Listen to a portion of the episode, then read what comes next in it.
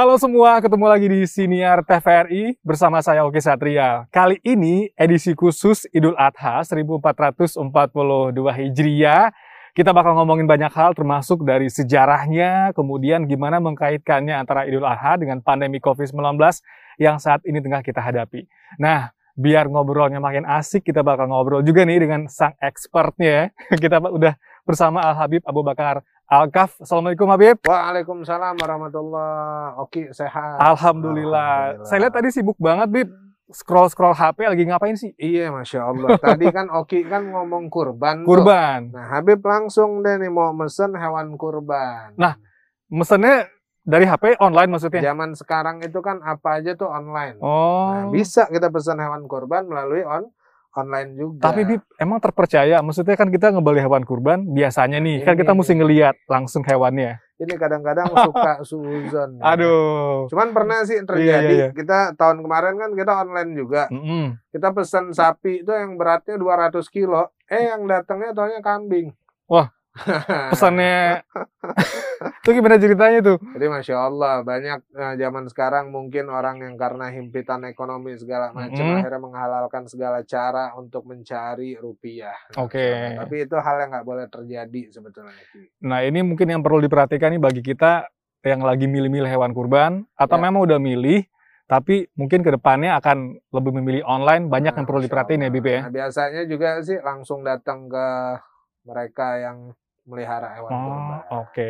Nah, kita ngomongin kurban, tentu ini pasti kaitannya erat banget dengan Idul Adha. Ini eh, sejarahnya yang diceritakan di Al-Quran juga kan sudah ada ya, Bib ya. Gimana Ah, kemudian pengorbanan yang dilakukan Nabi Ibrahim, yang kemudian menjadi momentum Nah, bagi umat Islam untuk eh, menandainya sebagai Idul Adha. Kita pengen tahu dong, Bib, sebetulnya sejarahnya yang diceritain, hmm. baik di eh, Al-Quran, eh, ataupun mungkin yang kemudian bisa eh, dikaitkan dengan kehidupan masyarakat saat sekarang gitu. Gimana tuh? Nah, jadi subhanallah, alhamdulillah, wa la ilaha illallah, wallahu akbar, asyhadu an la ilaha illallah, wa asyhadu anna muhammadan abduhu wa rasuluh, la nabiyya ba'da. Assalamualaikum warahmatullahi wabarakatuh. Waalaikumsalam warahmatullahi. Sinar TVRI ini. Ya.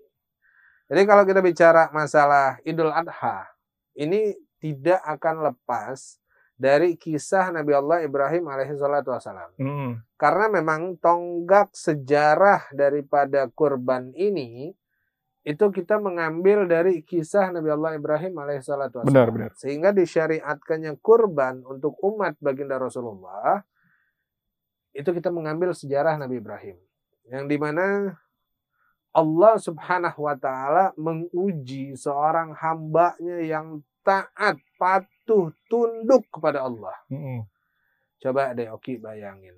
Puluhan tahun mengharapkan kehadiran seorang anak. Nah, ah. Puluhan tahun menginginkan memperoleh keturunan. Kemudian Nabi Allah Ibrahim memohon kepada Allah dalam surat As-Saffat ayat 100 doanya Rabbi habli minas salihin. Ya Allah berikanlah kepada kami, berikanlah kepadaku seorang keturunan Mm. Keturunan yang soleh.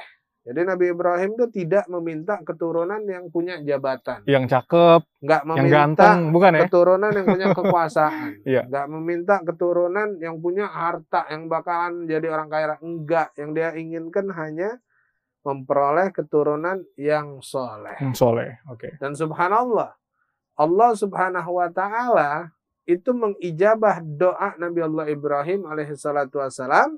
Kemudian Nabi Ibrahim diberikan seorang putra yang soleh, yang taat, yang patuh sama orang tua yang bernama Nabi Allah Ismail alaihissalam. Ismail. Mm-mm. Kemudian setelah anak ini tumbuh remaja, Allah Subhanahu wa taala menguji ketaatan Nabi Allah Ibrahim. Mm-mm. Setaat apa sih Nabi Allah Ibrahim yang mendapat gelar Halilullah? Halilullah ini artinya temannya Allah. Iya. Kemudian Allah menguji dengan memberikan mimpi kepada Nabi Ibrahim Mhm. agar Nabi Ibrahim menyembelih putranya. Dan mimpi itu kabarnya juga nggak sekali datangnya, Bib ya? Betul. Jadi mimpi itu dua kali. Yang pertama itu di tanggal 8 Zulhijjah Iya. yang kita sebut juga dengan tarwiyah. Tarwiyah ini artinya ragu-ragu Mm-mm. ya. Jadi Nabi Allah Ibrahim mimpi, kemudian Nabi Allah Ibrahim ragu. apa betul mimpi ini datangnya dari Allah Hmm. atau mimpi ini datangnya bukan dari Allah?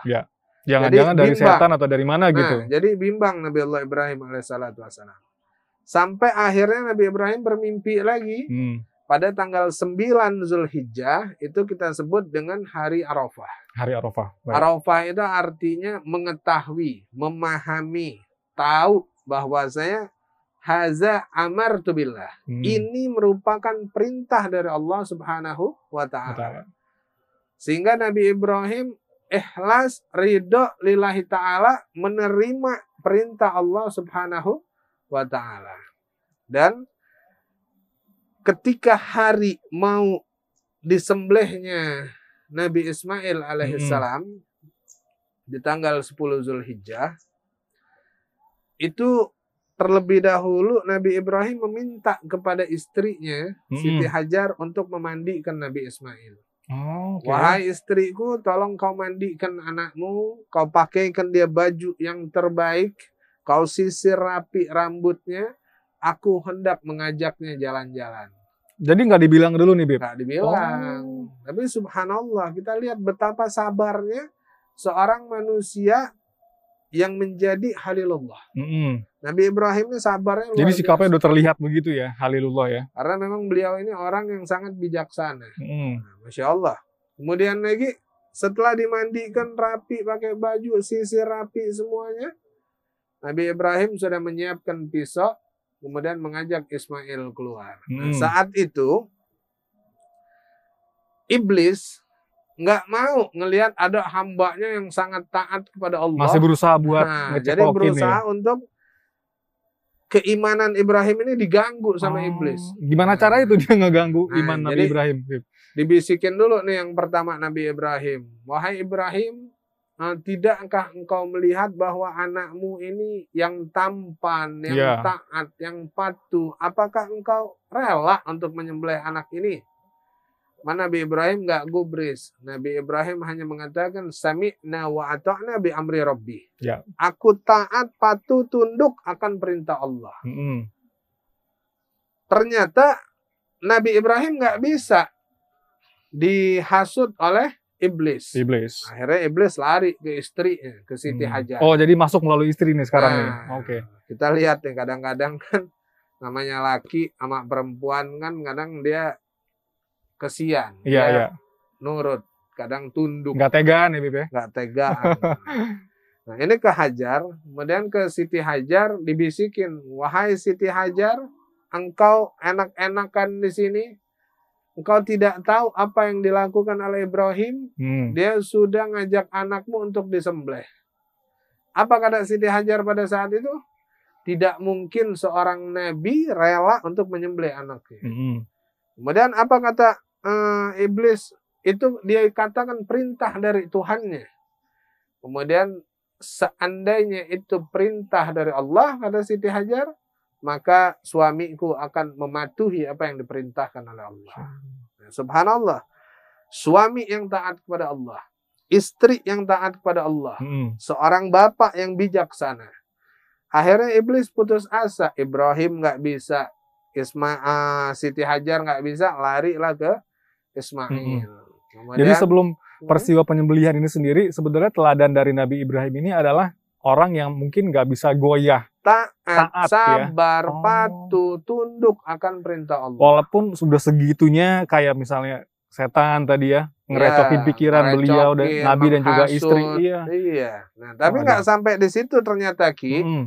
Ternyata ini iblis nyamperin Nabi Ismail. Oh, anaknya sekarang. Nah, Nabi Ismail dibisikin, "Wahai Ismail, engkau senang-senang, engkau gembira-gembira, engkau mau diajak jalan, tahukah engkau bahwa ayahmu Mm-mm. sudah menyiapkan pisau untuk menyembelih engkau?" Kata Ismail, "Nggak mungkin ayah saya menyembelih saya." Kemudian kata iblis, lagi-lagi iblis katakan dia katakan bahwasanya itu adalah perintah dari Tuhannya. Kemudian apa kata Ismail? Jawaban yang sama. Sami'na wa ata'na bi Sami'na wa ata'na. Aku taat patuh apabila itu memang perintah dari Allah.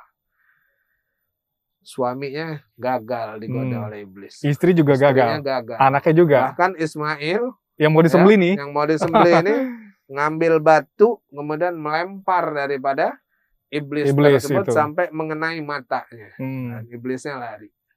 Dan subhanallah ketika sudah berada di puncak kemudian pada saat Nabi Ismail akan disembelih, seorang ayah yang bijak ini terlebih dahulu bertanya sama anaknya. Hmm. Kata Nabi Ibrahim, Allah Subhanahu wa taala abadikan dalam surat yang sama dalam surat As-Saffat, faqala Ibrahim alaihissalatu wassalam kata Nabi Ibrahim, "Ya bunayya, ini ara fil manam ani azbahuk." Hmm. Wahai anakku, tadi malam aku mimpi.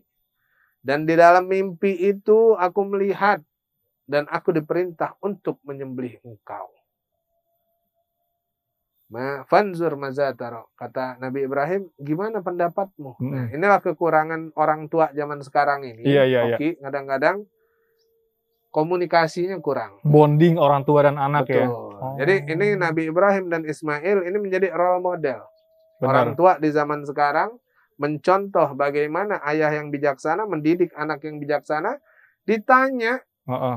Fanzur mazatara, bagaimana pendapatmu? Kadang orang tua kan suka egois, memaksakan kehendak. Kalau kita bawa zaman sekarang nih, Bib, jangan kamu disembelih. HP mau ditarik aja, Itu anaknya udah udah berantem sama orang tuanya, Bib. Betul Anak berantem beneran iya kan? Iya, betul banget. Nah, jadi karena kurangnya komunikasi sehingga anak-anak ini merasa jauh dari Iya. orang tua. Dan orang tua kadang egoisme memaksakan kehendak tanpa bertanya sama anak. Ini ada teladan lagi nih, teladan parenting ya. Ya, Dari sampai di sini aja udah ada teladan pare- parenting bagi Pa- orang tua di rumah. parenting family ya. Parenting family. Allah. Nah, Mm-mm. ketika ditanya oleh seorang ayah yang bijak ini, jawaban anak yang taat, tunduk patuh pada Allah, kata anaknya, wahai ayah, ya abatif al matu'mar. Mm-mm. Wahai ayah, lakukan apa yang sudah diperintahkan oleh Allah. Satajiduni insyaallah minas sabirin. Dan engkau akan mendapati aku sebagai orang-orang yang bersabar. Masya Allah. Jadi kemudian pada saat itu Ismail alaihissalatu wassalam beliau meminta wahai ayah engkau ikat tangan saya, engkau ikat kaki saya, engkau tutup mata saya. Lalu engkau sisingkan daripada lengan bajumu, jangan sampai nanti ketika menyembelih saya, darah itu terkena daripada bajumu yang menyebabkan ketika ibuku melihat, ibuku menjadi sedih. Kemudian wahai ayah, aku berpesan, seandainya engkau sudah menyembelih aku, tolong engkau kembalikan bajuku kepada ibuku dan jangan pernah engkau ceritakan bagaimana cara engkau menyembelih aku.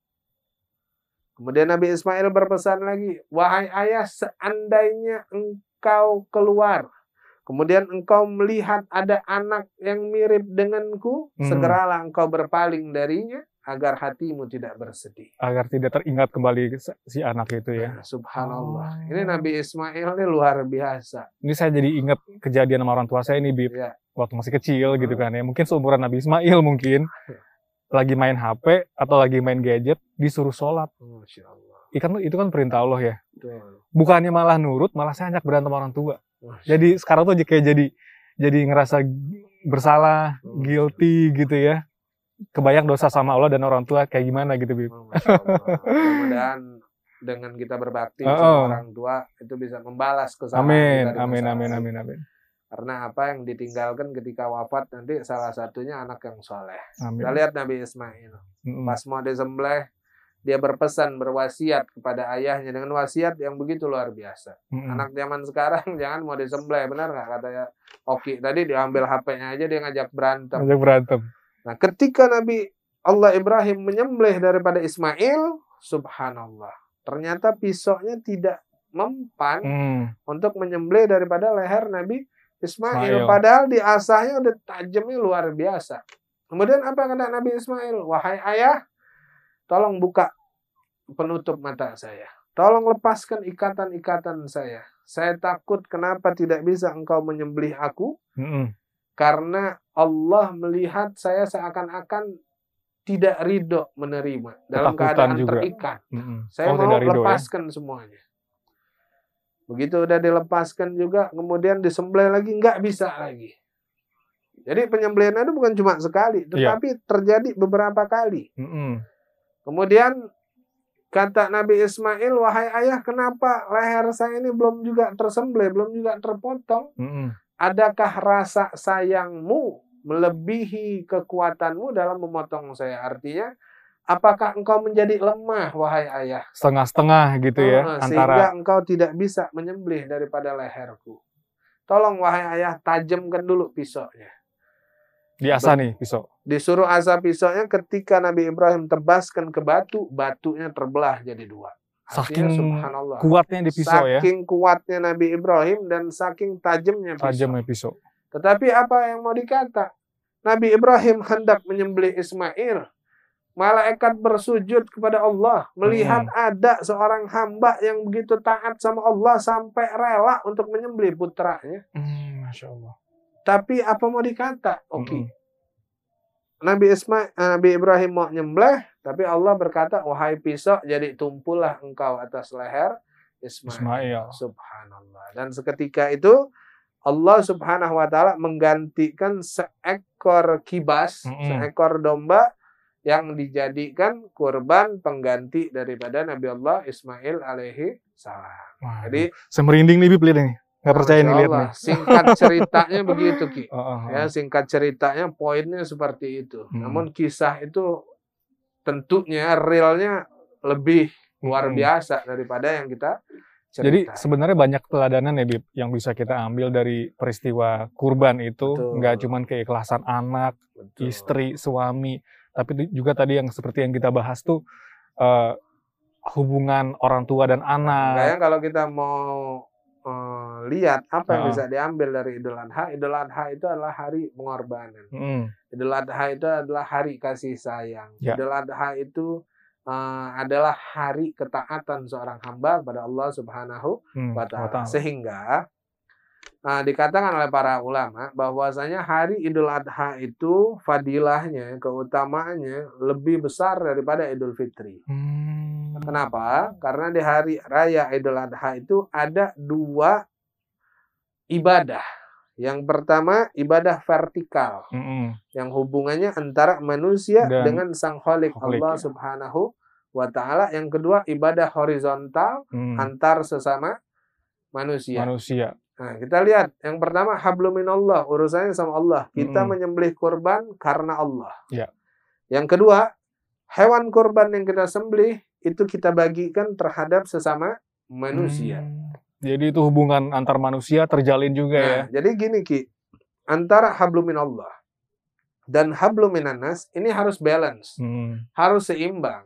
Bagus hubungan seorang hamba dengan Allah, tidak bagus hubungan seorang hamba dengan manusia, hmm. Maka dikatakan dalam hadis baginda Rasulullah, la yu'minuna ahadukum hatta yuhibbu li ahihi ma yuhibbu li nafsi. Tidak sempurna keimanan seseorang di antara kalian sehingga bisa mencintai saudaranya melebihi kecintaan terhadap dirinya sendiri. Jadi kalau bagus hubungan manusia dengan Allah, tidak bagus hubungan terhadap habluminanas sesama Iya, iya. manusia, maka ibadahnya jomplang. Waduh. Ini Dia yang kadang-kadang suka nggak sempurna ya Gitu. ibadahnya ya. Oke Bib, nah sekarang kita ngomongin masalah hablum minanas nih. Kan Nah. tadi kan ada ibadah yang vertikal dan Betul. horizontal. Kaitannya dengan kita setiap tahun kurban ngasih daging ya kan ke tetangga, ke orang-orang kampung gitu. Gimana kita memaknai hal itu saat ini kita juga kan saat ini ada di pandemi COVID-19 nih dengan segala keterbatasan, pembatasan, dilarang kumpul-kumpul, dilarang ketemu banyak orang itu gimana kita memaknainya Bib? Jadi gini, Allah Subhanahu wa taala berfirman di dalam surat Al-Kautsar ayat 2. Allah katakan fasalli li rabbi. Hmm. Maka salatlah kalian untuk Tuhanmu wanhar dan berkurbanlah. Sehingga apa pun yang terjadi di tengah-tengah kita mungkin saat ini kita berada di eh, zaman yang penuh dengan pandemi, penuh dengan wabah, khususnya wabah COVID-19 yang sampai hari ini di negeri kita Indonesia belum beres, kelar ya. belum kelar-kelar dan wallahu alam sampai kapan. Tapi tidak juga mengurangi semangat kita untuk berkurban. harus ya. Bahkan kata baginda Rasulullah, barang siapa orang yang mampu, kemudian dia tidak mau mengeluarkan hartanya untuk kurban, maka jangan pernah dekati tempat-tempat sholat kami. Artinya Rasulullah menitik beratkan hari Idul Adha ini agar umat ini berkurban. Mm-mm. Yang tujuannya apa? Tujuannya silaturahim, tujuannya tasyakur bin nikmah, bersyukur pada Allah atas harta yang Allah berikan, Mm-mm. menyambung daripada silaturahmi. Karena kalau kita lihat hewan kurban ini kan sepertiga, sepertiga, sepertiga, Ki. Iya. Jadi boleh dimakan oleh yang berkurban sepertiga, boleh dibagikan kepada kerabat, saudara sepertiga, kemudian sepertiga lagi wajib diberikan kepada fakir miskin dan kaum duafa. Nah, ini masalahnya Bib. Biasanya nih yang saya lihat ya, Hmm. orang yang berkurban itu dapat daging lebih banyak. Itu benar apa bukan sih? Itu Jadi kalau kita lihat aturannya tadi sepertiga, sepertiga, Oh. sepertiga, artinya kalau bisa orang yang berkorban itu malah mementingkan orang lain. Nah, justru nih yang pernah saya lihat di kampung ya, Bib ya. Kalau misalnya yang ikut kurban dapat daging sedikit, waduh dia keluar-keluar. Saya kan ikut kurban. Oh, Saya ikut uangnya ketanam di situ gitu Nah, loh. Artinya gini, dia tidak memahami fikih Ah, dalam urusan kurban. Kurban. Nah, begitu. Jadi ini yang kita bahas tadi sepertiga, sepertiga, sepertiga. Tapi ada juga Hmm. orang-orang yang dia berkurban mungkin ah sudahlah saya mah nggak usah Hmm. berikan aja kepada orang yang lebih Benar, membutuhkan. benar, benar. Tapi sebetulnya ketika kita berkurban minimal kita nyobain daging yang kita kurbanin itu Mm-mm. tiga suap. Iya, iya. Untuk apa? Untuk mencari keberkahan daripada hari raya Idul Hmm, arah hari. Fitri. Nah, kemudian Oke. juga di zaman sekarang ini yang pandemi kemudian kita dibatasi itu bukan berarti kita membatasi jiwa sosial kita. Mm-mm. Bahkan banyak dari saudara kita yang saat ini lebih membutuhkan Oke, bahkan saat ini kondisinya memang yang tepat ya untuk Nah, bisa saat berbagi yang dengan tepat untuk bisa berbagi terhadap masyarakat. sesama. Iya. Allah Subhanahu wa taala berfirman, "In ahsantum ahsantum li anfusikum Mm-mm. wa in asa'tum falaha." Seandainya engkau berbuat baik, maka kebaikan itu akan kembali pada dirimu sendiri.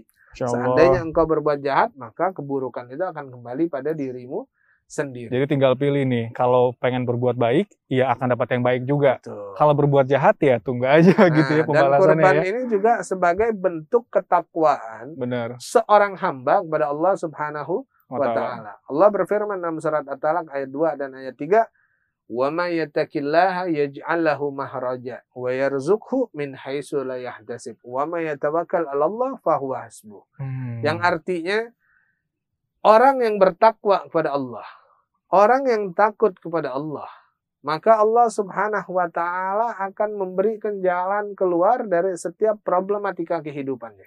Oke, jadi apa pun masalah kita, kita sandarkan ke Nah, Allah. Jadi kita Jangan lihat ke yang Nabi lain-lain. Ibrahim begitu bertakwa kepada Allah Hmm. sampai rela mau mengorbankan anaknya. Oh, oh. Kita kan nggak diminta untuk ngorbanin anak kita. benar, benar, Kita benar, hanya benar. diminta sebagian dari rezeki kita dibelikan ke hewan kurban kemudian dikurbankan. Hmm. Ini merupakan salah satu bentuk takwa Takwa. kepada Allah Subhanahu wa taala. Bahkan ini- dikatakan lagi tadi Ki, wa yarzuqhu min haitsu la yahtasib. Kalau dia udah bertakwa, Allah berikan jalan keluar dari setiap masalahnya. Bahkan Allah berikan rezeki dari tempat yang nggak disangka-sangka. Benar, benar, benar, benar. Oke, Bib, udah banyak banget kurang lebih kita udah banyak dapat ilmu nih hari ini ya mengenai Idul Adha dan juga kurban. Betul. Terakhir, Bib, apa sih yang menjadi pesannya nih bagi terutama bagi anak muda ya yang saat ini mungkin ya tahu tahunya cuman Idul Adha tapi nggak ngerti sebetulnya apa esensi dari hari raya Idul Adha Nah, gitu. jadi kira-kira. esensi daripada kurban itu Hmm. sendiri, kurban ini kan diambil dari kalimat al-qurb. Qurb itu artinya mendekatkan diri. Mm-mm. Mendekatkan diri kepada siapa? Tentunya kepada Allah Allah. Subhanahu wa taala. Jadi dengan berkurban ini adalah bentuk pendekatan diri kita kepada Allah. Mm-mm. Artinya orang-orang yang berkurban lillahi taala, Allah nyatakan wa ma anfaqtum min shay'in fahuwa yuhlifuhu wa huwa khairur razikin. Allah katakan apa pun yang kalian berikan, yang kalian infakkan karena Allah, yang kalian belanjakan karena Allah, maka Allah akan langsung mengganti. Wa huwa khairur razikin dan Allah lah sebaik-baik pemberi rezeki. Jadi Oke. jangan pernah takut susah, jangan pernah takut miskin. Ketika kita ada rezeki, maka keluarkanlah sebagian rezeki kita, belikan daripada kambing, belikan daripada sapi, untuk berkurban di hari raya Idul Hmm. Adha. Karena apa pentingnya tadi? Hablum minallah wa hablum minannas di hari raya Idul Adha. Oke. Habib terima kasih banyak Siap. ilmunya hari ini ya kurang lebih kita jadi nambah pundi-pundi ilmunya dan mudah-mudahan ilmu ini bisa kita sebarkan juga Amin. ke orang-orang anak anak muda yang mungkin masih belum mengetahui, masih Betul. belum paham apa tadi esensi dari berkurban Betul. dan semoga di hari raya Idul Adha ini kita bisa mendapat hikmah karena saat ini kita lagi pandemi juga kita berdoa semoga Allah segera mengangkat semua penyakit, mengangkat semua virus-virus yang ada Insya sehingga Allah kita pandemi ini tidak jadi penghalang kita untuk beribadah. Amin. Artinya kalau pemerintah mengatakan ibadah di rumah, ya belajarlah untuk Hmm. beribadah di rumah. Oke. Terima kasih Al Habib Ya. Abu Bakar Al-Kaf sudah berbagi ilmu hari ini Siap. di siniar khusus Idul Adha. Oke, dan demikian siniar kita untuk hari ini. Jangan lupa siniar ini juga bisa disaksikan di YouTube, di Spotify, di Google Podcast, dan juga Apple Podcast. Sampai jumpa di kesempatan berikutnya. Saya Oki Satria pamit. Assalamualaikum warahmatullahi wabarakatuh.